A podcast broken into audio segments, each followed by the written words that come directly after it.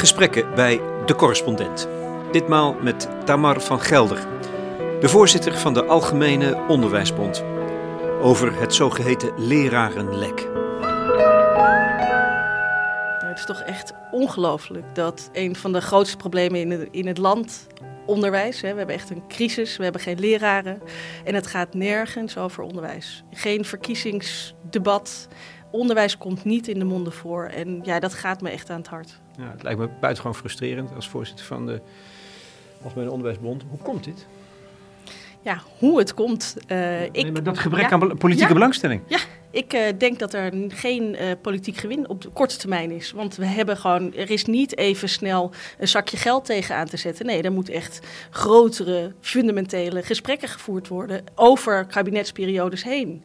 En dat, dat is niet, geen korte termijn nee. oplossing. Dus met andere woorden, het probleem is te groot geworden? Het is veel te groot. Ja, en het is eigenlijk ook een soort moeder van al die problemen. Um, dat begrijp ik niet. Nou, het personeelstekort in het onderwijs. Nee. Het moment dat je geen leraren hebt, kan je ook geen warmtepompinstallateurs opleiden, want je hebt geen techniekdocenten. Um, dus ja, hoe, hoe zit het dan met die energietransitie? Ja. Dat is echt wel een megaprobleem. Als je het hebt over het migratievraagstuk, er wordt heel veel nou ja, met uh, misinformatie gedebatteerd. Uh, maar ook in gesprekken overal op straat. En dat zit toch echt in onderwijs. Het goede gesprek met elkaar. Ja, zover gaat het dus zelf. Zover gaat het. Ja. ja. Dus uh, het is eigenlijk de moeder van alle problemen.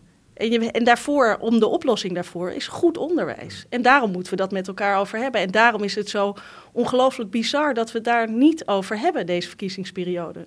Want we hebben goed opgeleide leraren nodig die zorgen voor dat er een relatie ontstaat in de klas, dat leerlingen gesprek met elkaar hebben, dat ze met elkaar nou, het over taal rekenen, maar ook over ontwikkeling in de wereld hebben. En dat doe je daar met elkaar. En dat moet je goed onder begeleiding doen. En daar heb je leraren voor nodig. En die hebben we niet.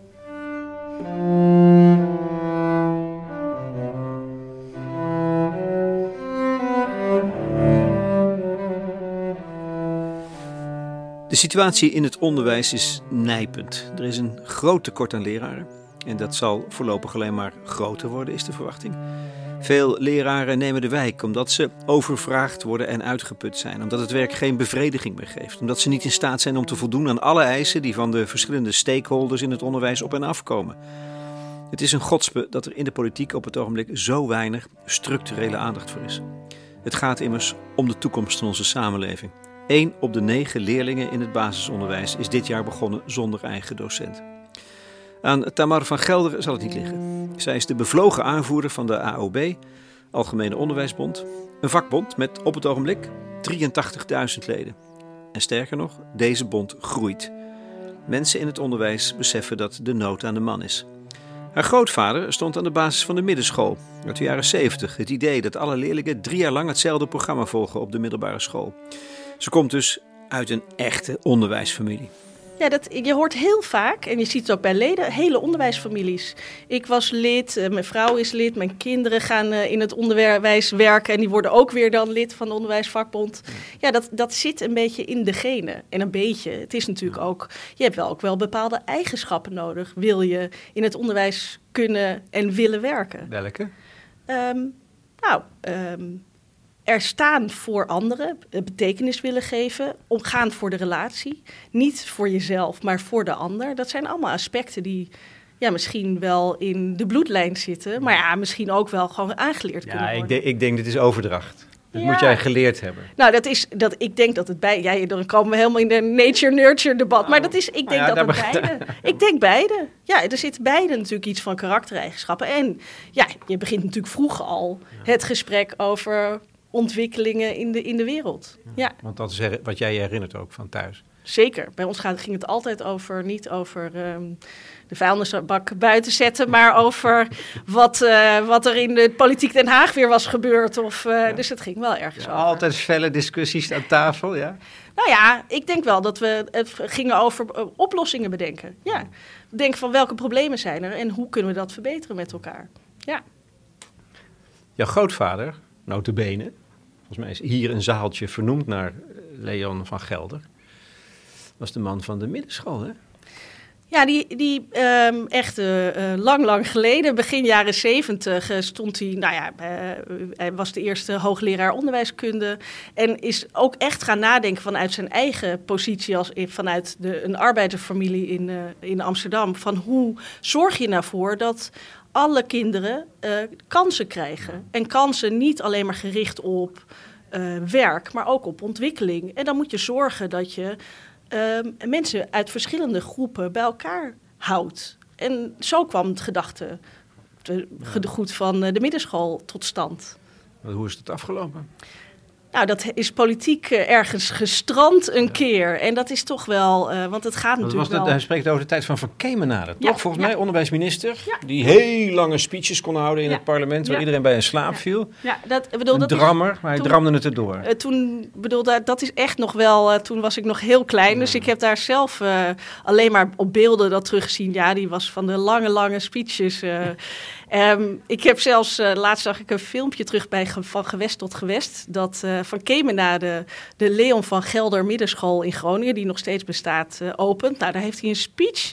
Nou, daar zou, bij mij zou dat nooit geaccepteerd worden. Of dat kunnen wij niet meer. Maar dat ging echt over de inhoud. Maar dat is echt op politieke, ehm, nou ja... Um, ik wilde zeggen, uh, verschillen is dat gestrand. Um, en je, je ziet eigenlijk die, die um, uh, strijd in het onderwijs, hè, gedachtgoed van later selecteren of vroeg selecteren of kansen bieden, daar hebben we nog steeds met elkaar, ook in onze club bij de AOB, een discussie over wat is nou beter. Ja. Dus daar, daar is het laatste woord nog niet over gezegd. Ik heb een tijdje geleden voor de correspondent voor deze serie ook een, uh, drie gesprekken gevoerd met, over het onderwijs. En dan kom je erachter dat het onderwijs 100 jaar als het ware ten prooi is aan onderwijsvernieuwers, zou je kunnen zeggen. Onderwijs is een terrein waar ongelooflijk veel initiatieven worden genomen, die ook allemaal weer stranden. Dus eh, misschien heeft dat er ook iets mee te maken, hè, met dat idee van, ja, wat moeten we met het onderwijs? Er wordt zoveel geprobeerd, het lukt niet. Wat is überhaupt de toekomst? Nou, we, bemoeien ons er maar niet meer mee. Ja. Nou ja, kijk, de, de, uh, wat mij betreft is, gaat onderwijs en leren per definitie over dingen ontdekken.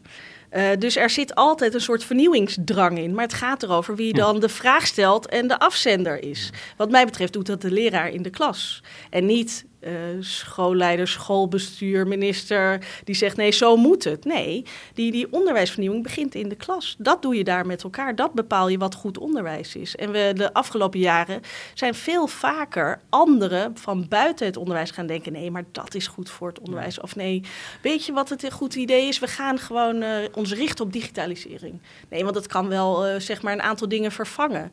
Maar dat is helemaal niet bedacht vanuit de leraar uit de klas over de middenschool werd toen ook wel eens gesproken als, hè, dan wordt onderwijs een instrument om de maatschappij te veranderen.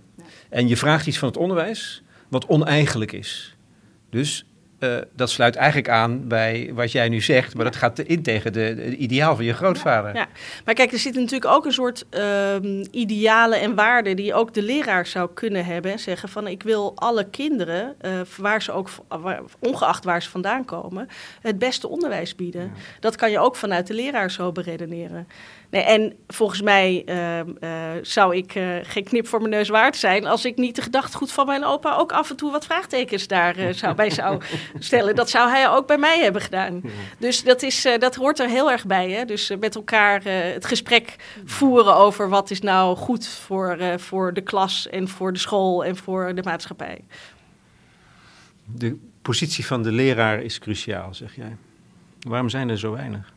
Waarom zijn er te weinig? Is er een structureel tekort? Ja, nou ja, dat is een verhaal waar we eigenlijk um, al nou, jaren achteraan zitten. En um, we hebben het wel gezegd, ja, het is eigenlijk altijd te laat. We doen de interventies, zijn er al, komen op een gegeven moment, zegt dan de minister, oh, oeps, we, we hebben te weinig leraren. Terwijl wij al jaren aangeven, let nou op, je moet een aantal, en dan zeg ik interventies, nee, structurele maatregelen nemen, zorgen. Even, even voor ja. duidelijkheid, volgens mij hoor je dit al vanaf het eind van de jaren zeventig. Dat ja. er is al zo vroeg, dat halve eeuw werd er al voor gewaarschuwd. Ja.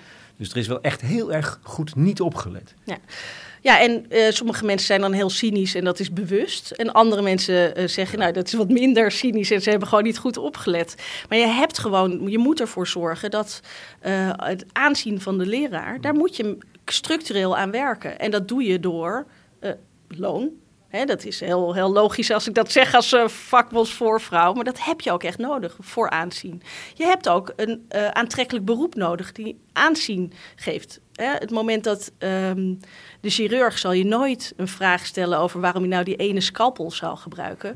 Maar de leraar vraag je altijd: hoezo heb je dat boek nou voor je? En waarom gebruik je die methode? En moet mijn kind niet uh, die cursus doen? Of waarom? Hè, dat wordt heel, wordt heel vaak die vragen gesteld. Dus er is ook iets in, in aanzien veranderd. Dus daar moeten we met elkaar aan werken. Dat moeten leraren zelf doen. Hè. Daar echt opstaan voor het beroep leraar.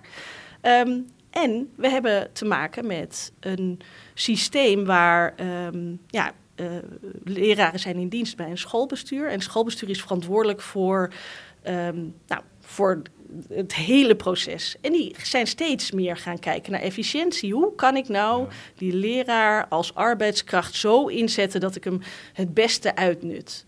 Nou, wat betekent dat er nu best wel veel leraren op een gegeven moment hebben gezegd: Ja, ik zie het niet meer zitten, ik stop ermee, ik ga iets anders doen. Dus we hebben te maken met een lerarenlek, zoals ze dat noemen. Dus we, wij weten dat we 83.000 mensen in Nederland rondlopen met een onderwijsbevoegdheid die zouden zo weer voor de klas kunnen. Die hebben gewoon het onderwijs uitgejaagd.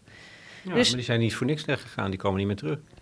Nou, ik ben heel optimistisch. Ik denk dat we ze terug kunnen krijgen. En dat moet, moet ook eigenlijk wel. Want we willen zorgen dat ook uh, in Amsterdam-West... Uh, voor elke klas een bevoegde leraar staat. En niet maar één op, één op negen. Ja. Dat is natuurlijk... Daar, daar, ik begrijp eigenlijk niet dat iedereen zich daar niet ongelooflijk voor schaamt.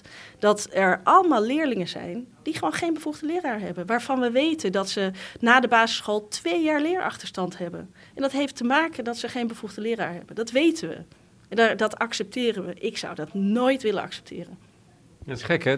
We accepteren het. Ouders zijn woedend als ze weer voor hun kinderen moeten zorgen omdat er geen leraar is, die hebben ze de kinderen thuis. Ja, dan hebben ze een, praktisch probleem. Maar dat, dat, daar zijn ze woedend over omdat er geen opvang is. En dat ze dat met hun werkgever. Maar ze zijn niet woedend, nog te weinig wat mij betreft, dat ze uh, uh, wiskunde krijgen van een, met alle respect, van een, een klasseassistent die geen wiskunde-leraaropleiding heeft gedaan. Dat is natuurlijk gewoon, je weet gewoon nu al dat dat niet helemaal goed... Voor, misschien voor één leerling gaat het goed aflopen... maar voor een hele grote groep gaat het niet goed aflopen. En dit is structureel? Dit is structureel en dat is echt een groot probleem. Echt, ja. Weten jullie waarom die 83.000 uh, docenten weggegaan zijn? Nou ja, dat komt dus door werkdruk. We hebben ze uh, uh, het onderwijs uitgejaagd. we hebben gezegd, nou, ga, je moet al die lessen maar op doorgeven niet goed strategisch personeelsbeleid. Goed opletten, wat heeft nou die ene docent nodig? Uh, misschien is het wel prettig voor deze docent om een uur later te beginnen, want dan kan hij zelf zijn kinderen naar school brengen. Of misschien heeft hij wel ander soort begeleiding en ondersteuning nodig. Misschien heeft hij professionalisering nodig. Maar daar is te weinig in geïnvesteerd en te weinig oog voor geweest. Ja. ja. En Um, ja, het, het, is. En wat er ook nog ingewikkeld aan is. Hè, want ik had het even over het lerarenlek. Hè, we raken leraren kwijt. Maar we leiden ook te weinig leraren op. Want tijdens de opleiding vallen er ook nog weer heel veel mensen af. En sommige is misschien dat het niet de juiste keuze was. Maar sommige omdat ze al volledig voor het onderwijs worden ingezet. Dus die zijn bijna al burn-out voordat ze goed en wel uh, voor de klas kunnen komen te staan. Ja. Ja, en die kiezen dan toch voor een ander beroep. Ja. Um, ja, het is niet heel optimistisch verhaal, terwijl ik zelf wel een, echt een optimist ben. Dus het is wel best wel een ingewikkelde. Dus, uh, ja. een strijd, maar goed, het is wel goed om eerst eens even vast te stellen... voordat je over oplossingen nadenkt, van hoe ernstig het probleem is en hoe het komt. Daar, daar blijf ik even in zitten peuren, als je het niet erg vindt. Dan... Heb je zelf les gegeven? Nee, ik heb geen les gegeven. Nee, nee. Ik uh, heb uh, in het MBO was ik opleidingsmanager. Ik was zo'n regelneef. Ja. Gewoon zo iemand die dacht, ik ga het wel even fixen. Met een Excel-sheet.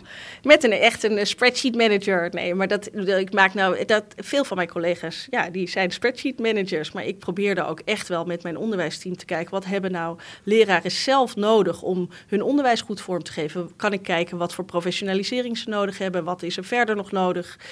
Ehm, ja, dus dat, dat zag ik meer als mijn taak om te zorgen dat je echt met elkaar onderwijs kan geven. En je uh, de tijd te nemen om ook te bepalen waar gaat dan uh, ons onderwijs over. In het MBO, ja, dat moet je echt met elkaar gaan kijken. Dan heb je een aantal kwalificatiedossiers. Ja, dat klinkt, uh, nou, we was verantwoordelijk voor bijvoorbeeld kwalificatiedossier assistent accountant niveau 4 en uh, bedrijfsadministratie en um, wat was nou secretaresse niveau 3. Geweldig om een keer in te duiken in het mbo. Dat geeft heel veel energie, maar dan ga je echt kijken. Nou, dan staat, is er opgeschreven wat moet nou een secretaresse kennen en kunnen aan het einde van de opleiding. En dan ga je met een onderwijsteam bekijken van wat is onze visie op onderwijs en dat vertalen naar onderwijs en wat je dan ook echt nodig hebt. En daarin probeerde ik als uh, nou, zo'n regelneef, te kijken van wat, hoe kan ik nou zorgen? Uh, kan ik meeste ondersteunen, faciliteren? Waar kan ik bijsturen? Hoe kan ik zorgen dat ze niet overdonderd worden door vragen van ouders, van de media? Van, en want dat, er komt ook steeds, ja. hè, de maatschappij wil de hele tijd van alles. En daar ben je als uh, nou, schoolleider, ben je gewoon verantwoordelijk om een soort hitteschild te zijn. Maar ook wel die informatie te vertalen, zodat zo'n docent kan zeggen, nou hier kan ik mee aan de slag. Ja, het is, het is je zei het net zelf al natuurlijk, eh, Tamar, het is, het, het is uh, de moeder van alles, hè, maar het raakt ook aan alles. Want ik vraag me even af, hardop af, als je nadenkt over waarom, waarom is dat vak zo gedevalueerd? Terwijl, ik weet niet of jij zo'n docent hebt gehad in je leven, die afgezien van je eigen familie dan, die je de weg heeft gewezen, die een gids was? Is die, je zit te knikken. Ja, ja, ja, ja. Ik had echt een geweldige leraar geschiedenis. Die was al ja. bij alles... Het zijn uh, bijna altijd leraren geschiedenis trouwens. mooi. Die lopen hier ook bij de Onderwijsbond altijd economie of geschiedenis. Ja, die hebben toch... Ja, of Nederlands, hè? Ja, ja, ja, dat was, in mijn geval was het dan weer Nederlands, ah, maar goed. Maar wat was dat voor man of vrouw? Nou, dat was een man die ging gewoon, weet ik wel, die ging op de tafel staan en die vertelde. En die kon helemaal uit het hart mij, gewoon mij echt inspireren. Ja, ja ik vond zelf school niet zo interessant. ik bedoel... Uh, Waarom niet eigenlijk? Ja, een vriendin van mij die zei, die zei zag het als een beetje een soort sociaal, sociaal experiment. Zag je het een beetje? Ja, ik, ik uh, vond het gewoon saai vond het, ja, ik had het wel. Jij als teller van een onderwijsgeslacht. Ja, er was meer nodig om mij te inspireren. Dus uh, ja, ja, maar misschien, kijk, want dat is ook, hè. Ik krijg natuurlijk, ik kreeg heel veel van thuis mee. Dus op ja, school. Dus je had het al. Ja, dus de, de, de want dat is ook zoiets. Als we het hebben over kansengelijkheid, is dat kinderen uit andere uh, omstandigheden krijgen het niet thuis mee. Dus daarvoor is school nog veel belangrijker. Dus voor mij was school ja, superleuk dat ik natuurlijk zo'n geschiedenisleraar had die op de tafel ging staan en mij ging inspireren. Maar nou, gewoon omdat hij kon hij vertellen, kon, hij kon je in de band. Vertellen, helemaal. Ja hoor. Dat wegboek, wegschoolboek, weg proefwerk van volgende ja. week. En wat hij ook altijd zei, ja, superleuk hoor dat jullie op het gymnasium zitten. Maar jullie zijn gewoon MAVO met Latijn, doe maar niet zo hoog in de boom. Vond ik ook, ja, dacht ik ook, ja, daar heb je gelijk in. We hebben dan gewoon al die vakken die ze ook op de MAVO hebben. Maar, en we hebben Latijn erbij, dus we hoeven helemaal niet een soort arrogantie in ons te hebben. Nou, dat vond ik ook een soort realiteitszin. Vond ik eigenlijk, uh, nou, die heb ik al goed onthouden. buitengewoon nuttig. Ja. Maar ik stel die vraag, want ik, omdat ik een beetje het gevoel heb... oké, dit hoort bij onze generaties... Hè, dat we dat nog hebben mogen meemaken, die leraren. Daar was ruimte voor, er was tijd voor. Maar zou dat nu nog zo zijn? Zelfs als ze het zouden willen. Ja. En het talent hebben en het vermogen en, en, en het ideaal. En, is er dan überhaupt nog in die klas ruimte om dat gewoon te doen? Of moet je gewoon stront eigenwijs zijn? Nou, kijk, ja, stond eigenwijs altijd goed, ja. dat sowieso. En dat, volgens mij past dat er ook gewoon bij. Maar je hebt natuurlijk uh, nog steeds uh, de ruimte in de klas. Hè? Want we hebben als ja. uh, AOB hard gewerkt aan de wet beroep leraar. Je hebt, jij gaat over wat er in de klas gebeurt. Dat staat in de wet. Uh, ja. Dus daar moet je ook voor gaan staan. Volgens mij weten de meeste leraren dat zelf niet. Nee, en dat, daar hebben wij dus ja. dan wat te doen als onderwijsbond. Wij hebben daar hard voor gestreden. En dat is echt de leraar. Als, daarom werken we ook hard aan het werken aan een beroepsgroep. Hè, de beroepsgroepvorming. Wij als leraren, ik noem ik even hè, dat ik namens al die leraren die bij ons lid zijn, uh, kunnen sterk staan met elkaar. Elkaar uh, zorgen dat we die ruimte wel hebben. En gezamenlijk een stem hebben richting richting schoolbesturen, onderwijskoepels, minister, maatschappij zeggen: dit is ons beroep. En, ja, dat betekent ja. in de praktijk in de klas dat zij die. Want dat is natuurlijk. Je, je moet dan wel tegen hele heftige stromingen ingaan. Hè? Ik hoor het ook Herman Cenk Willink zeggen. De professional moet eigenlijk. De, de, de, de, als niet, de macht is een lelijk woord, maar wel het initiatief nemen en naar zich toe trekken. En, en, um, en kiezen voor wat belangrijk is. Um, en dat geldt dus hier ook voor, zeg jij. Maar dan moet je wel tegen heel sterke krachten ingaan. En zeggen we een nee zeggen. En, en... Maar daarom moet je dat dus samen doen. Ja. En dus dat samen elkaar opzoeken. Uh, en dat is ook wel nu de tijdsgeest. Hè? Dus we hebben, ja. ze gaan van een hele geïndividualiseerde maatschappij. Ook gericht op allemaal individuen. Uh, van, nou ja, en, en dus de leraar als uitvoerder geworden. Moeten we weer een beweging maken naar het collectief de beroepsgroep leraar die staat voor zijn vak. Nee, natuurlijk kan je in je eentje is het heel ingewikkeld tegen iemand die zegt ik ben jouw leidinggevende en als jij dit blijft doen kan het niet. Dat je moet zeggen ja nee, dit is mijn vak en hier sta ik voor. Maar gezamenlijk kan je dat veel beter doen. Dat kan je gezamenlijk in een onderwijsteam doen, op binnen een schoolbestuur en dat kan je landelijk doen. Dus op al die niveaus zouden we elkaar moeten vinden. Het ingewikkelde is er zijn minder leraren. Dus elke keer als je de tijd neemt om hier met elkaar over gesprek te doen, hebben misschien een uurtje leerlingen geen aardrijkskunde. Ja, en dat is dan steeds die afweging die je dus als individuele leraar moet maken. En die is heel complex. Nou ja, daardoor wordt het ook al nou ja, praktisch bijna onmogelijk om dat, om dat te doen. Om, dat, om, om, om te studeren, om jezelf te verrijken, om dit soort debatten te voeren dus hoe, Ehm, moet je dat, hoe, hoe zou je dat moeten organiseren? Nou, uh, wij, wij hebben gezegd, misschien moet je iets met uh, onderwijstijd en lestijd gaan doen. Dus zorgen dat leraren iets minder lesuren krijgen. Uh, hè, die ze moeten uitvoeren zodat ze meer tijd hebben, noemen we dan maar even voor voor- en nabereiding en professionalisering. Uh, dan gaan ze niet minder werken, maar dan gaan ze zorgen ze dat ze meer tijd besteden aan één, uh, meer aandacht voor die ene leerling waar ze dan nog wel even dat gesprek in kunnen hebben. En dat ze tijd hebben om met hun collega's over de ontwikkeling van het vak te praten. Um, maar dat betekent iets dat we iets aan de onderwijstijd aan leerlingen moeten doen. Wij ja. geven in Europa gezien heel veel les. Wij? In, Wij, ne in, in Nederland? Nederland? Ja, ja, ja. Oh. Wij geven heel veel les. Uh, en daar is, ja, en dat zou best wel minder kunnen. Maar dan heb je dus meer mensen nodig, meer mankracht. Ja, dus dit is handen, we, handen aan de bedden. Ja, en die handen, zijn er dus niet. Nee, ja, goed, dat is natuurlijk hetzelfde. Hè, want het uh, we, we geven, zeggen ook, er zouden misschien kleinere klassen moeten zijn. Want dan heb je, hè, dan heb je niet 30 oude gesprekken. Of met één oude gesprekszinnen, nou 40 gesprekken. Uh, maar dan heb je er 21. Dat scheelt even. En dan zeggen mensen, ja, maar er zijn er nu al heel weinig. Maar ja, je moet ergens beginnen. Dus je moet beginnen zorgen dat die onderwijstijd naar beneden gaat. Je moet zorgen dat die klassen kleiner maken. Dat maakt het beroep aantrekkelijker. Want dan hoef je niet elke dag de deur dicht te trekken en te denken: oh, ik heb die leerling niet gezien, ik heb dat niet gedaan. Ik had nog de, met die collega over dat onderdeeltje van ontwikkeling willen praten. Heb ik allemaal niet kunnen doen.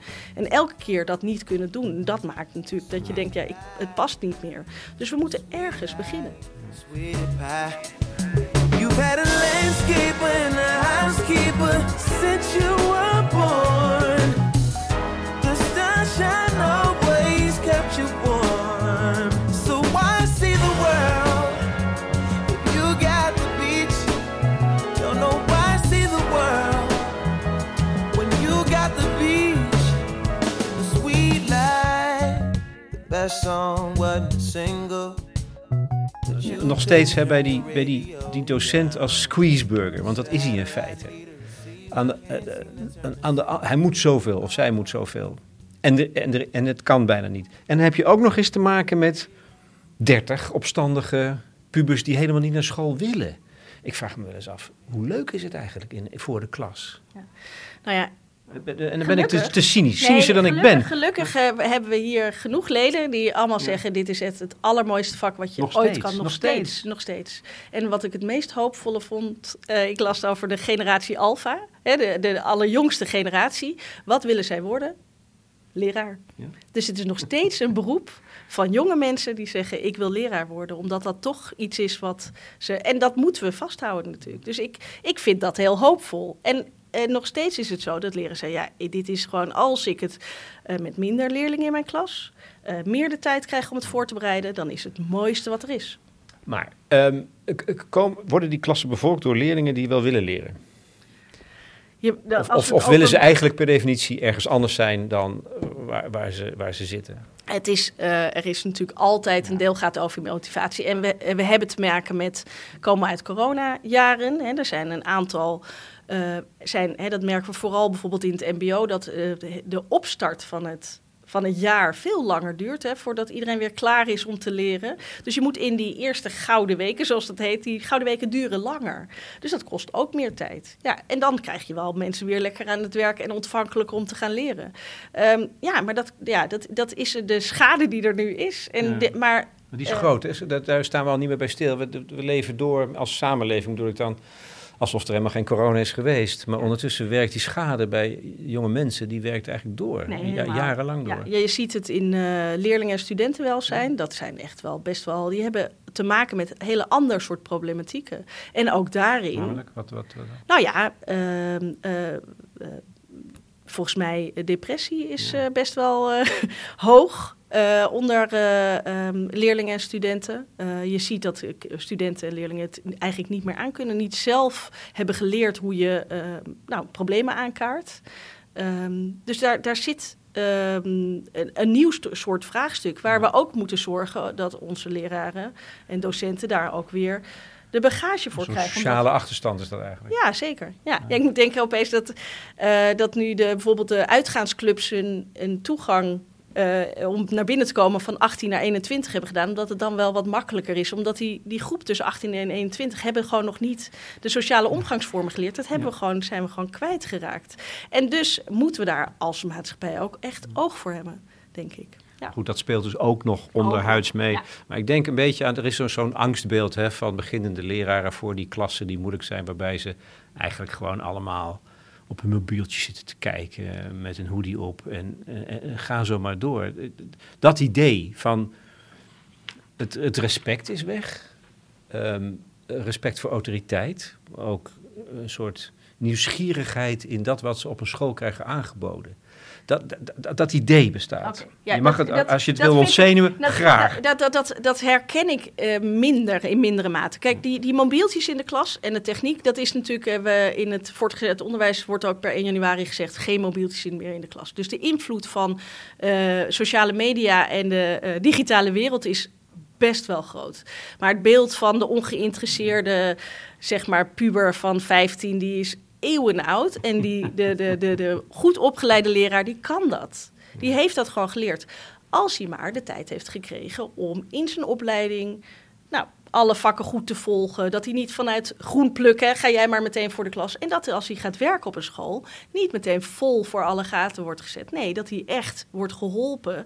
Want het duurt echt vijf jaar voordat je echt ja?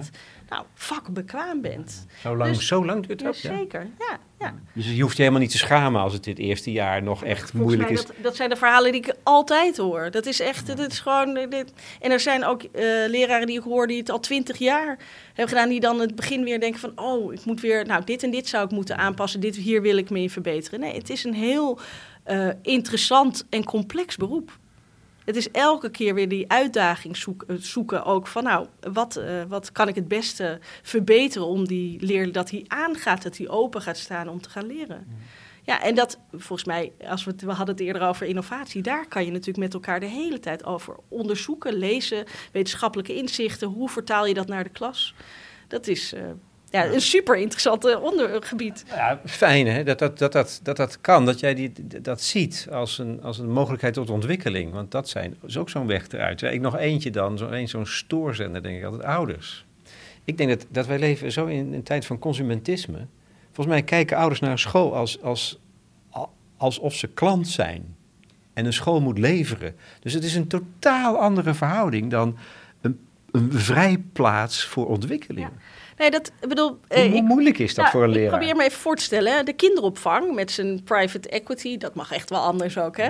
Ja. Uh, dan hebben ze, krijgen ze elke dag krijgen ze appjes. Zitten ze in een appgroep bij de kinderopvang. Van uh, de, uh, Keesje heeft dan zijn appeltje gegeten. En hij heeft dan weer leuk geslapen. En dan gaan ze naar groep 1. En dan denkt zo'n ouder, ik krijg, word helemaal niet op de hoogte gehouden elke dag. Ik weet helemaal niet wanneer die heeft, uh, zijn dingetjes heeft gedaan. Dus ze zijn wat dat betreft, die jonge ouders, eh, verkeerd uh, geïnformeerd. Nee, bij, bij, de school, zeg je bij de schoolpoort. Dat is wel aan de school, hè, dat verschilt per school hoe je dat doet. Maar dan, dan, dan moet je het vertrouwen geven aan de leraar. En je wordt op gezette tijden geïnformeerd. Ik weet van een aantal leraren in het basisonderwijs dat ze eigenlijk best wel blij waren met die coronamaatregel. Ouders moeten hun kind bij de poort af. Eh, we kunnen weer even. We kunnen weer even. Maar we hebben de ouders echt wel nodig. Dus ik wil ze niet als een soort uh, high-bye. Want je, nou maar dat zijn ze wel, Tamar. Ik. Um, nou, ja, ik, nee, uh, ja, jij bent aardig. Ik ben, maar... ik, ben, ja, ik ben aardig, maar ik denk ook echt, je, je bent met elkaar. Heb je, je hebt de informatie van die ouders ook echt nodig. Ja, wat er thuis gebeurt, merk je in de klas. Alleen moet, moeten we met elkaar zoeken hoe je het beste elkaar informeert. Wat zijn nou de juiste momenten? Welke gegevens? we zijn ook heel erg doorgeschoten met bijvoorbeeld magister. Dat dan, nou, dan, magister voor mensen die nog geen kinderen hebben of uh, hele jonge kinderen hebben? Het is uh, voornamelijk in het voortgezet onderwijs waar alle cijfers in komen te staan. Uh, en ook die zijn open voor iedereen toegankelijk, dus ook voor ouders. Dat geldt, dat is verschilt per school. Maar uh, sommige ouders hebben een ouder-inlog en die gaan dan om 12 uur s avonds verversen, verversen. En die zien dan een cijfer eerder dan hun kind. En die zeggen dan: dit en dit is gebeurd. Wat een druk komt daarop. Ongelooflijk. Nee hoor, liever. Um, nou, uh, één keer per kwartaal uh, goed geïnformeerd uh, door mentor of door leraar over de stand van zaken van het kind dan elke keer verversen. Want ook daarin, hè, dus als je ziet over, we hadden het over leerlingen en studentenwelzijn, er ligt zo'n hoge druk op leerlingen en studenten en dus op de leraar en op de ouders om maar beter te presteren, hoger op. Dat is dat is ook dan, dan heb je niet die vrije plaats waar je met elkaar kan ontwikkelen. En dat is natuurlijk een maatschappelijk fenomeen wat zo groot is, wat al 30, 40 jaar duurt, dat, je, dat je dat zelfs niet eens door 83.000 leraren kunt, kunt oplossen volgens nee, mij. Nou ja, je kan wel met elkaar uh, kijken van wat is nou goed. Waar, waar, waarom, ja. ik bedoel, als die, is de school voor, nou, zou ik zeggen. is de school voor? En als die sterke beroepsgroep er is, die kan ook met elkaar zeggen. Wij gaan, uh, wij communiceren over uh, het voortgang één keer per drie maanden. Dat is gewoon wat we met elkaar afspreken. zo, zo werken we. Dat, dat zou kunnen. Ja. Maar nu is het zo dat de individuele leraar denkt: oh, ik moet dit doen. Want mijn mijn baas zegt dat en dit, dit wordt van me verwacht. Dus ik ga, schrijf nog maar even een, onder, een handelingsplan voor dat ene kind en een groepsplan dat en een op drie niveaus, want het wordt mij, van mij gevraagd. Uh, nee, volgens mij is dan altijd de vraag, waar, waarvoor doe ik het en moet het ook wel? En uh, wil ik graag in de relatie met de ouders op deze manier investeren? Een collega Johannes Visser komt met een, uh, een pamflet, essay. Is het voor een cijfer? Dat is een, hele mooie kernachtige analyse van hoe het onderwijs nu functioneert. Alles gebeurt voor een cijfer. Dat, wat leerlingen zelf heel erg uh, beseffen. Ze zijn er totaal van de Ze vragen gewoon, is het voor een cijfer? Als het dat is, dan, gaan dan willen ze wel opletten. Zo niet, dan letten ze niet op. Dat hele schoolsysteem draait om die cijfers. Dus ook voor de docenten. Dat is zo fundamenteel. Je moet toch ook misschien wel daar beginnen vragen bij te stellen. Nou ja, uh, volgens mij vertelde ik iets over uh, die, de schoolbestuur. Ja. schoolbestuur heeft een verantwoordelijkheid. En die wordt uh, nou, enerzijds financieel afgerekend en anderzijds gecontroleerd door de inspectie. En dan heeft het ook heel erg te maken met welke parameters en hoe zo'n schoolbestuur daarmee omgaat. Er zijn schoolbesturen die zeggen van nou, ik weet dat dit de kerndoelen zijn, dit is mijn opdracht. En ik richt het in zonder cijfers. Dat kan gewoon. En ik heb andere manieren gevonden om inspectie en ouders daarover te informeren. Dus ook dat kan in ons stelsel. En ik ben het eens al met Johannes Visser dat het, dat het allemaal om die cijfers natuurlijk van de zotte. Dat is toch helemaal totaal uit de hand gelopen? Ja. Ja. ik vind het wel grappig. Mijn uh, jongste dochter zit op een school waar dus uh, waar ze in de onderbouw geen cijfers doen, voortgezet onderwijs. Uh, maar op een gegeven moment moeten ze richting eindexamen. Ja. en dan moeten ze natuurlijk weer naar cijfers. Dat kan niet anders, omdat het systeem zo is ingericht. Vind ik eigenlijk wel. Uh, vind, ja, dat is. Ja, daar, daar kan echt wel, wel op een andere manier mee omgegaan worden. Kijk, wat wel van belang is, dat je iets afsluit. Want ik hoor ook wel eens verhalen over van ja, je moet toch eh, alles kunnen zelf kunnen samenstellen. En dan maak je een maatwerkdiploma en dan kan je wel zo mooi instromen naar het, naar het vervolgonderwijs. Ik denk dat je wel, dat het van belang is om dingen met een diploma bijvoorbeeld af te ronden. Van nou, dit heb je gedaan en dan kan je verder. Maar ja, dat kan ook over andere dingen gaan dan dat je de, eh, de juiste feitjes bij een proefwerk weet op te sommen. Ik had het eh, gisteravond uiteraard in voorbereiding hier of in de aanloop hier naartoe mijn dochter, die alweer verder is erover, die heeft dat uh, met glans doorlopen, die middelbare school, hoge cijfers gehaald, zegt: Ik ben het allemaal vergeten. Want je leert voor zijn proefwerk, ik weet eigenlijk precies wat het, antwoord, wat het verwachte antwoord is, maar vervolgens doet het er niks mee toe. Want je hebt een cijfer gehaald. daar gaat het over in het essay van, uh, van Johannes. Maar daar is een hele stroming en dat gaat over formatief handelen. En dat gaat over het beoordelen van de handeling en niet het... Uh, het, dus je, er zijn wel andere methodes om dat te doen. En uh, ik hoor ook wel eens uh, mensen... Moeten, ik bedoel, moeten niet andere dingen geleerd worden, gevraagd worden? dat... Gaat het niet over ontwikkeling? Tot dat oude beeldingsideaal tot mens opleiden? Okay, maar dat, dat zit eigenlijk heel erg in die kerndoelen. Ik denk dat mensen dat helemaal kwijt... Dat, al dat soort dingen, die, die staan ik heb gewoon... niet paraat. Nee, nee, nee. Ik, ik gelukkig ook niet, hè. ik heb oh. veel, veel zwerfkennis, maar dat gelukkig heb ik die niet, uh, niet paraat. Maar, maar, waar, gaat het dan over? Nee, maar die, bedoel, dat gaat van... Ik, je moet een bepaald niveau van taal rekenen maar ook uh, weten wat burgerschapszin is. En, en, dus dat zit er ook in. Hè? En uh, we, we zijn in onderwijsland heel goed om dingen, zeg maar, nog meer, ik noem het maar even, te verrijken met nog iets wat moet. En dan nog iets wat moet en nog iets wat moet. En daar dan met elkaar een soort maatstaf in nemen. Maar uh, er is veel meer mogelijk dan men denkt wel een mooi voorbeeld eigenlijk wat dat zijn uitwerking heeft. Ik hoor nu um, veel. Uh, um, de minister heeft heel veel losse subsidietjes de afgelopen jaren gedaan. Coronageld, 8,5 miljard, wop. Zo, hoppakee. subsidietje. Ja, nee, ik zeg maar, hè. Dat is uh, maar losse regelingen. We hebben nog een potje over. Ja, nee, maar even re veel verschillende regelingen. Ja, dus, dus er is eigenlijk best wel veel vrijheid om uh, onderwijs vorm te geven. Door de leraar, door uh, het onderwijsteam, door het schoolbestuur. Ja. En we proberen daar een beetje grip op te krijgen. Maar eigenlijk, die grip hebben we al. Hè, met, eigenlijk met het systeem met kerndoelen. Hebben dus niet ja, al die losse, losse dingen nodig. dan gaat het over de manier van controleren. En, dat, en dan krijgen die cijfers zo'n dwangmatige invloed. Ja, maar dat is een soort, uh, dat, dat zit dan een beetje in die verantwoording, uh, verantwoordingscyclus, dat er een soort controledrang op zit. Uh, ik hoor heel vaak schoolbestuurders zeggen: ik wil niet nat gaan bij de inspectie. Ja, ja. Ja. Nou, dat vind ik een hele rare, rare gedachte. Dat is toch verschrikkelijk? Je, ja, je, je, staat toch gewoon voor goed onderwijs. En daar, oh. ja, dus dat, dat, je werkt niet voor de inspectie. Nee, je werkt voor goed onderwijs voor die leerlingen en studenten. Ja, maar zo sterk is dat dus doorgedrongen tot in de haarvaten van het hele systeem. Ja, en dat, als, je niet, als je niet lef hebt om te zeggen van, hé, hey, ik doe het anders. Nou goed, maar daarom uh, zeggen we nu eigenlijk, ja, we moeten eigenlijk dat systeem een beetje veranderen. We, we, dat, dat, dat moet echt anders.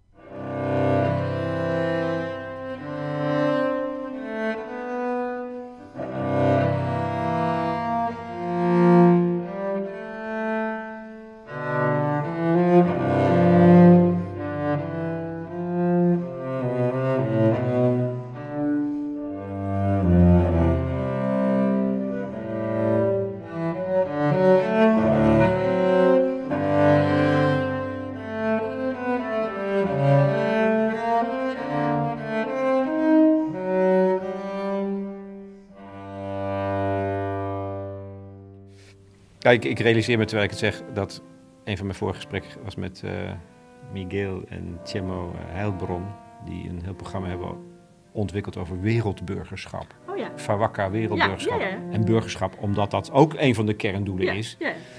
Maar we kunnen natuurlijk alles even heel erg op scherp zetten mhm. als het gaat over wereldburgerschap.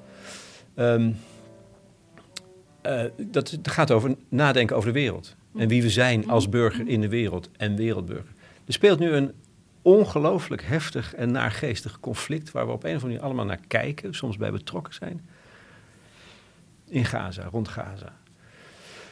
Is dat iets waarvan jij zegt, kijk, dat moet je dan eens in de klas aan de orde stellen? Want we hebben er allemaal mee te maken. En hoe dan? Ja, kijk, uh, het woord moeten vind ik altijd een beetje ingewikkeld. Hè? Dat vinden mensen ook altijd lastig. Als ik, Maar uh, het kan niet anders dan dat je als leraar ehm, op een maandagochtend de klas binnenkomt en weet dat jouw leerlingen hiermee te maken hebben. Dat je leerlingen allemaal op een andere manier daarmee geraakt worden. Dus het kan niet anders dat je daar het gesprek over aangaat. Um, en, in welke les dan ook? Of nou, nou, in, in, welke les dan ook. En het is van groot belang dat je daar of het nou basisonderwijs of voortgezet onderwijs, MBO, dat je daar met elkaar wel als onderwijsteam afspraken over maakt. Wie doet wat op welke manier? Want zeker in het voortgezet onderwijs kan het niet zo zijn dat je zegt: Oh ja, maar dat is eigenlijk iets voor de leraar maatschappijleer. En bij mij, uh, bij Engels, daar hebben we het er eigenlijk niet over. Dus, want dat hebben ze volgend uur. Dat kan, dat kan eigenlijk niet. Dus je moet wel hier met elkaar kijken van hoe ga je nou met dit soort. Nou, en deze is wel heel heftig, conflicten om. En, kan het, denk je? Want het, eh, wel, met wie je ook het gesprek begint, het leidt bijna onmiddellijk tot polarisering. Ik merkte het gisteren aan het gesprek met mijn dochter. Buitengewoon fel. En ik dacht, hé, wat... Nou ja, geweldig, maar... Nee, het, is, het, is, het roept meteen ongelooflijke reacties op aan alle kanten. Mensen die zeggen, nee, niet, daar, daar wil ik het niet over hebben of dat raakt mij. Of, kijk, want uh, uh, één, je moet zorgen dat er de juiste informatie is. Hè, dus dat, hè, want er is veel misinformatie. Ongelooflijk veel misinformatie. zie je het maar eens te vinden dan.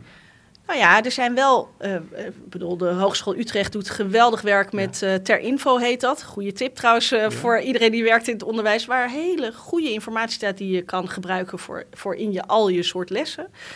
misinformatie en met elkaar het gesprek kunnen voeren. Een soort basisvoorwaarden om met elkaar nou, ja, dat heet dan het goede gesprek, maar wel ook dat te leren. Hoe ga je nou met verschillen om? Hoe ga je nou om met uh, nou, bewustzijn waar je vandaan komt? Wat het met je doet. Ik kan me heel goed voorstellen dat als je zelf een islamitische achtergrond hebt, dat je ook je heel veel sneller uh, vereenzelvigt met de, de, de Palestijnen. Evident natuurlijk. Nou, dat zeg je evident. Maar dat bewustzijn, dat dat ook bij de andere kant is. En uh, als je te maken hebt met uh, een Joodse leerling, wat dat het ook betekent dat je niet meteen uit Israël komt of Sionist bent. Dat dat bewustzijn er is. Ik denk, bedoel, dus ik gaat, denk, dat is de eerste stap. Bewustzijn nou, creëren. In goede informatie, tweede stap, bewustzijn creëren ja. van de positie die je inneemt. Ja, ja, zeker. En daar het gesprek over voeren. Dat, dat, dat dat kan eigenlijk niet anders. Ook zo dat je met elkaar dat die verschillen, over die verschillen moet kunnen praten. Zonder dan dat het. Um, nou, eh, dat, dat je het gesprek uit de weg gaat. En nou, stel dat zo'n gesprek begint en een kind van welke achtergrond dan ook wil het woord genocide gebruiken voor uh, het overheidsbeleid van de Israëlische regering. Nou ja, uh, ik zal bij dat soort dingen altijd um, adviseren om wel uh, dan de andere kant hè, daarvan te zeggen: van let op wat het als je genocide ja. zegt, wat dat uh, kan betekenen ja. en wat voor die beelden dan betekenen. Het is niet voor niks dit, nee, dit nee, nee, woord, want je kan ook het apartheidsbeleid noemen. Ja, hè? Dat zeker, is ook een ding. Zeker. Of de bezetting. wat zeker, is maar, dat zijn, maar dan uitleggen wat dat woord betekent. Want het gaat heel vaak wel over woorden. Hè, dus de, de uh, from the river to the sea, gaan we bijvoorbeeld dat, dat de impact van, van die uitspraak. Uh, wat dat doet bij, aan beide kanten, daar, daar, moet je je wel van bewust zijn. Dat is, ja, uh, en dat is dan toch wel bewustzijn creëren. Uh, denk erover na als je zoiets zegt. Ja, ik, ik, ik weet niet, misschien ja. heb je het gezien, er, er circuleert een filmpje op, in ieder geval op X, uit, een, uit een groot interview met onder andere Barack Obama. Citaat, hij zegt, you can't speak the truth. Want je spreekt altijd de waarheid van één kant. Dus de volledige waarheid kan je niet eens spreken. Dat is ongelooflijk moeilijk om, om te beseffen en, en vervolgens mee om te gaan. Ja, ja. Maar ja, dat, dus dat bewustzijn dat je te maken hebt met uh, jouw leerling waar je elke dag naast zit, dat daar een hele wereld achter zit. Daar begint het natuurlijk bij. Dat, je, dat het niet alleen maar gaat over wat hij, hij zegt, dat niet zomaar. Dus de, volgens mij begint het daar, daarbij dat, dat iedereen ook zijn eigen aanvliegroute heeft. Daar, ja, de aanvliegroute klinkt nee. natuurlijk wel een beetje, maar de, dus je hebt je eigen geschiedenis daar, die je daarin meeneemt. En mensen hebben pijn. En eh, kinderen dus ook. Want die zien dingen die zich diep raken volgens mij en die, en die echt niet te geloven zijn. Ja. Nou ja, ik uh, heb uh, leraren uit het MBO die zich daar heel erg zorgen over maken. Dat er een generatie is die alleen maar negativiteit nou ziet. Negativiteit op negativiteit. En die zegt, ja, er komen allemaal hè, zeg maar verbindingen worden aangelegd in de hersenen. Dat het heel ingewikkeld is om een positieve blik te houden. Uh, en daar hebben we ook een taak in om ook te laten zien dat ja, de wereld is kommer en kwel. Maar we hebben dus ook de mooie oplossingen of de mooie richtingen. Het is niet alleen maar richting ehm, eh, ja. uh, nou, hel en verdoemenis, zeg maar. Dus daar, daar, daar zit ook een, uh, um, nou, ik denk een taak in om ook nou, af en toe te zeggen, ja, we, wonen ook hier en hier hebben wij met elkaar oplossingen te vinden en met elkaar samen deze klus te klaren om samen een project aan school te gaan doen. Dus je hebt elkaar ook echt nodig. Ja, en ik vind het lastig, je zei iets over polarisering. Tegenwoordig heeft iedereen het over polarisering. En ik, ehm, ik, ik dacht, dat, je, je hebt ook wel eens, als je de hele tijd zegt er is polarisatie, dan is het er ook. Nou, ik geloof dat er maar een heel klein deel van, van in Nederland verschil van inzicht heeft. Een heel groot deel denkt eigenlijk hetzelfde. Dus ik vind namelijk, dat, wat denken ze dan? Nou, dat we met elkaar hier samenleven en dat we met elkaar een oplossing moeten vinden. Mensen zijn veel en daar meer... ook samen een oplossing moeten vinden, zou ik dan zeggen. Want dat is dan het probleem dat aan de orde wordt gesteld. Zeker, zeker. Ja, en dat je, dat je, dat, en dat je hier niet, dit conflict niet naar hier, naar hier moet halen. Dat we hier met elkaar willen samenleven. En dat we dat ook samen moeten en willen doen. En dat is een heel groot deel. Dus het moment dat je het hebt over polarisatie, lijkt het alsof we een soort splijtswam in Nederland hebben. Nou, dat geloof ik echt niet. Dat is gewoon niet zo. Ja, ik denk dat als je het aan de orde stelt in een klas, dat het dan wel heftig kan worden. Hè? Dat wil niet meteen zeggen dat het polarisering is, maar dat er emoties op kunnen lopen. En wij hebben nogal eens de neiging, en ik weet niet hoe het zit met de, de docenten van Nederland op het ogenblik, om emoties te vermijden. Ja. En misschien is dat iets wat uitzonderlijk zou zijn, maar wel geweldig als je precies daarvoor wel ruimte biedt. Juist.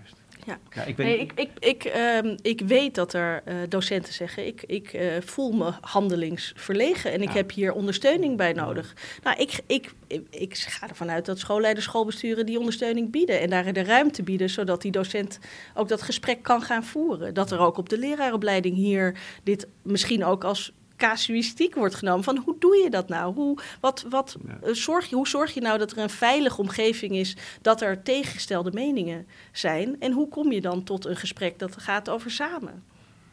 Ja, want zo eenvoudig is het niet, denk ik. Nee, het is super complex. En het is ook het raakt iedereen heel erg. Dus en moet je er extra tijd, extra ruimte, extra mensen voor inruimen. Ik merk dat dit conflict meer emoties dan welke conflicten we de afgelopen jaren hebben meegemaakt. Dat iedereen voelt zich hier op een of andere manier mee, mee verbonden of heeft er een mening over. Dus juist dit conflict uh, heeft dit echt nodig. Ja.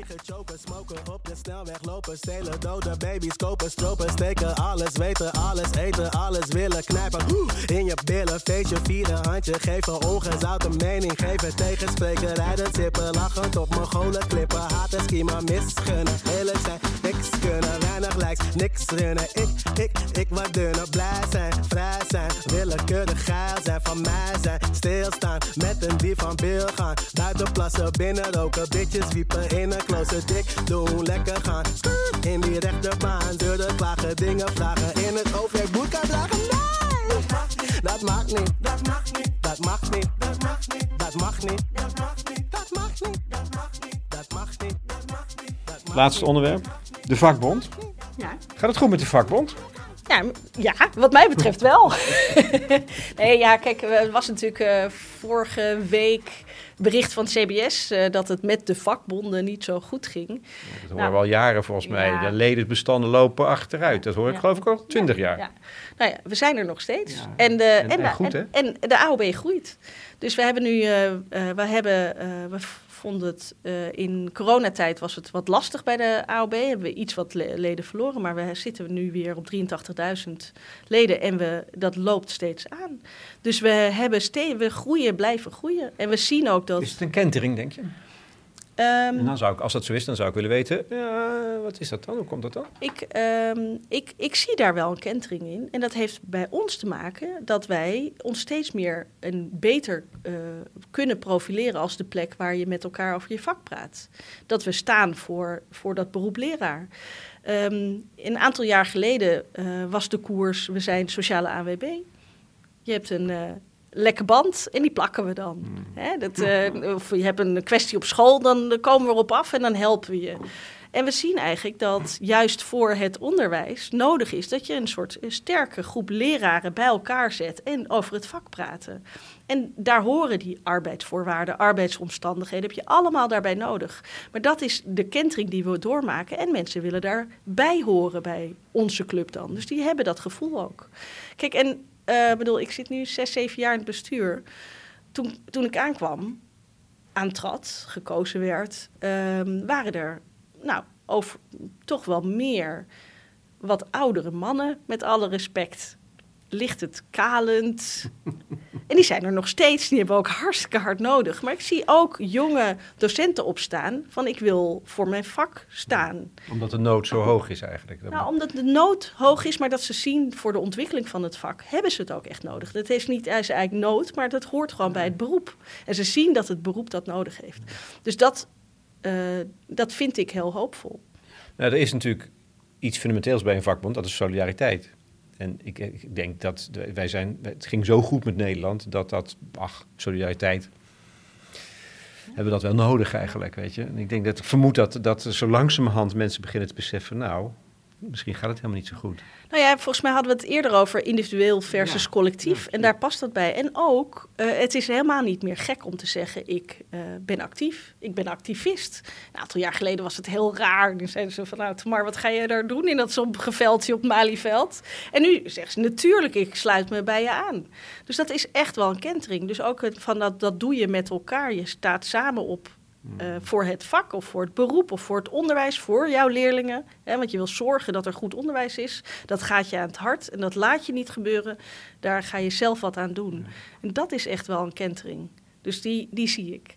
En dat, dat uh, stemt mij hoopvol. Ook nou, waar we het al eerder over hadden. Van, nou ja, dat die sterke groep leraren ook opstaat en zorgt dat er anderen daar ook bij willen horen. En waar richten jullie je dan op? Hè, als het gaat om, om, om, de praxis van wat er echt moet gebeuren, wat er moet veranderen. Salaris heb je al genoemd. Hoe, met hoeveel procent moet het omhoog? Nee, we, we willen gewoon... Kijk, we hebben best wel hard aan de bak hebben gewerkt. Hè? en ze hebben net uh, allemaal 10% erbij gekregen. Maar we willen zorgen dat we niet achteruit kachelen. Dus we moeten zorgen dat we altijd de inflatie voor zijn. Ik vraag me af, heeft het, heeft, het, heeft het effect gehad, weet je, die salarisverhoging? Natuurlijk. Ja? Natuurlijk heeft dat effect gehad. Ja, ik weet niet wat voor effect je zoekt, maar je, bedoel, iedereen kan Aantrekkingskracht bedoel ja, Ja, kijk, uh, in ieder geval in dat, het, dat iedereen weet... oh ja, in het onderwijs, dat kan, daar kan je ook best wel wat verdienen. En uh, nu kunnen mensen uh, die bijvoorbeeld onderwijsassistent zijn, weer gewoon hun boodschappen doen. Hè? Zo, zo, daar hebben we het ook over. Dus wat dat betreft heeft het effect gehad.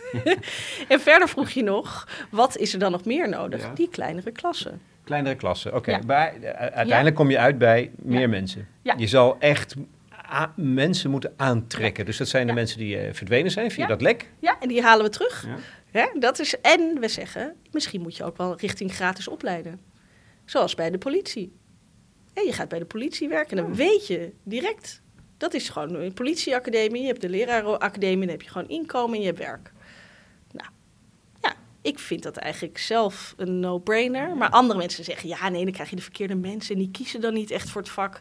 Dan denk ik, ja, Nee, je dat, weet... dat zeggen ze bij de politie ook niet. Ja, nee, daarom. daarom. Dus die, die vergelijking is heel raar. De, de, Wat kost dat? Mag ik dat even weten? Ja, dat, ik weet niet of je dat paraat uh, hebt nu. Nee, maar... dat heb ik helemaal niet paraat. Dat is natuurlijk... Uh, dat, dat, dat, is... Ik hoor dat de politicus al zeggen, of weet ik veel wat, de, de, de, de, de presentator van Op 1. Oké, maar dat is best wel kostbaar. Ja. Dat is, uh, daar, hebben, we het, daar hebben we het wel echt over miljarden. Hè? Dat is, uh...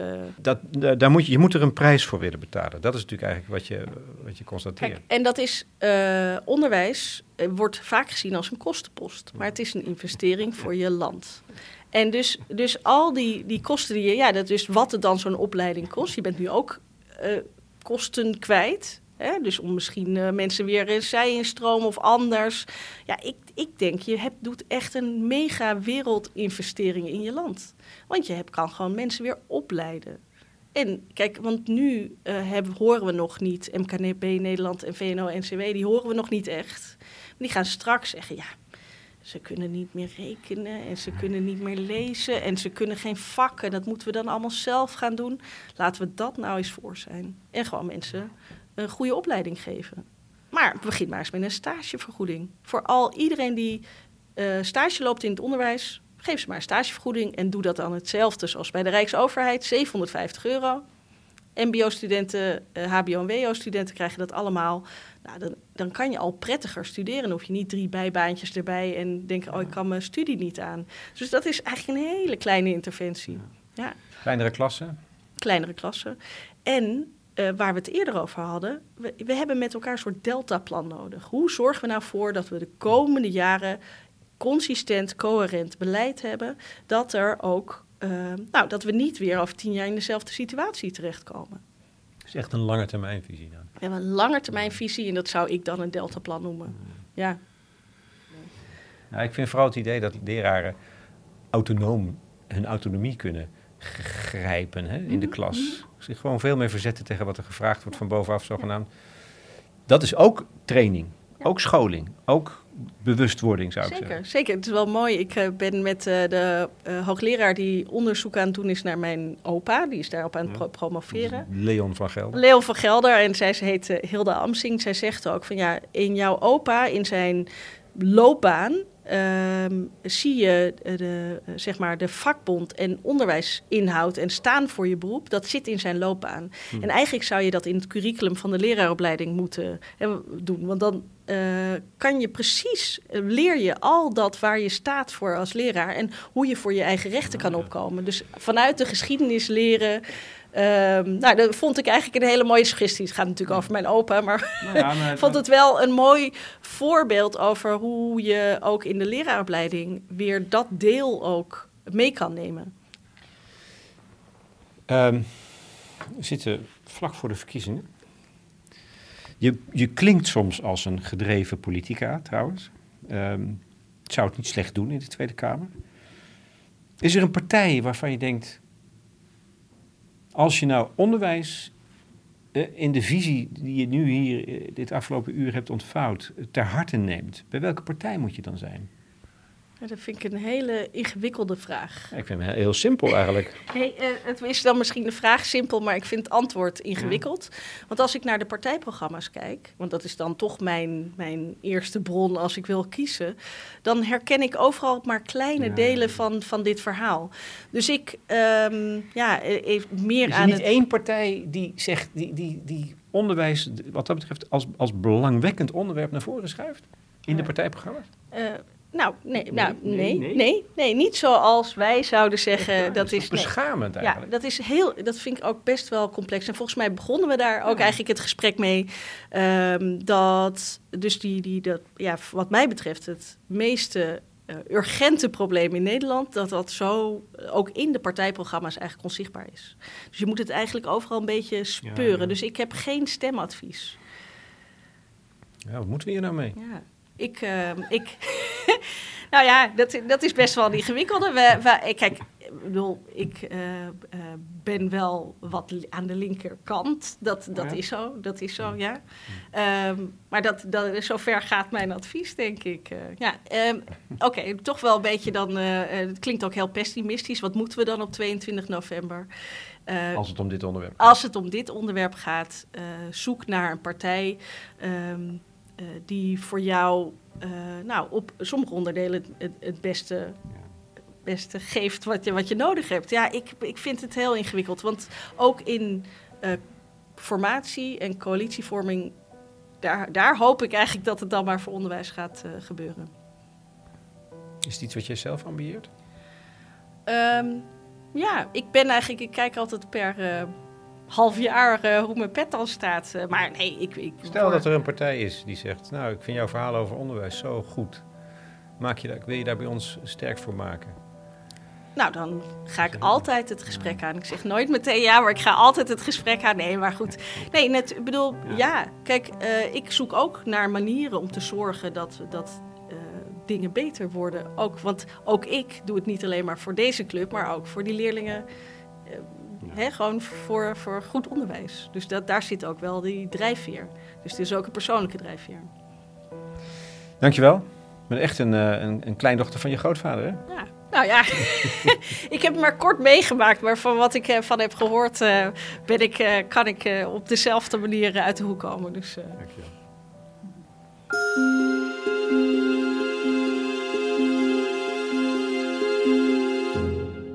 Tamar van Gelder, voorzitter van de Algemene Onderwijsbond, in gesprek met Lex Bolmeer voor de correspondent.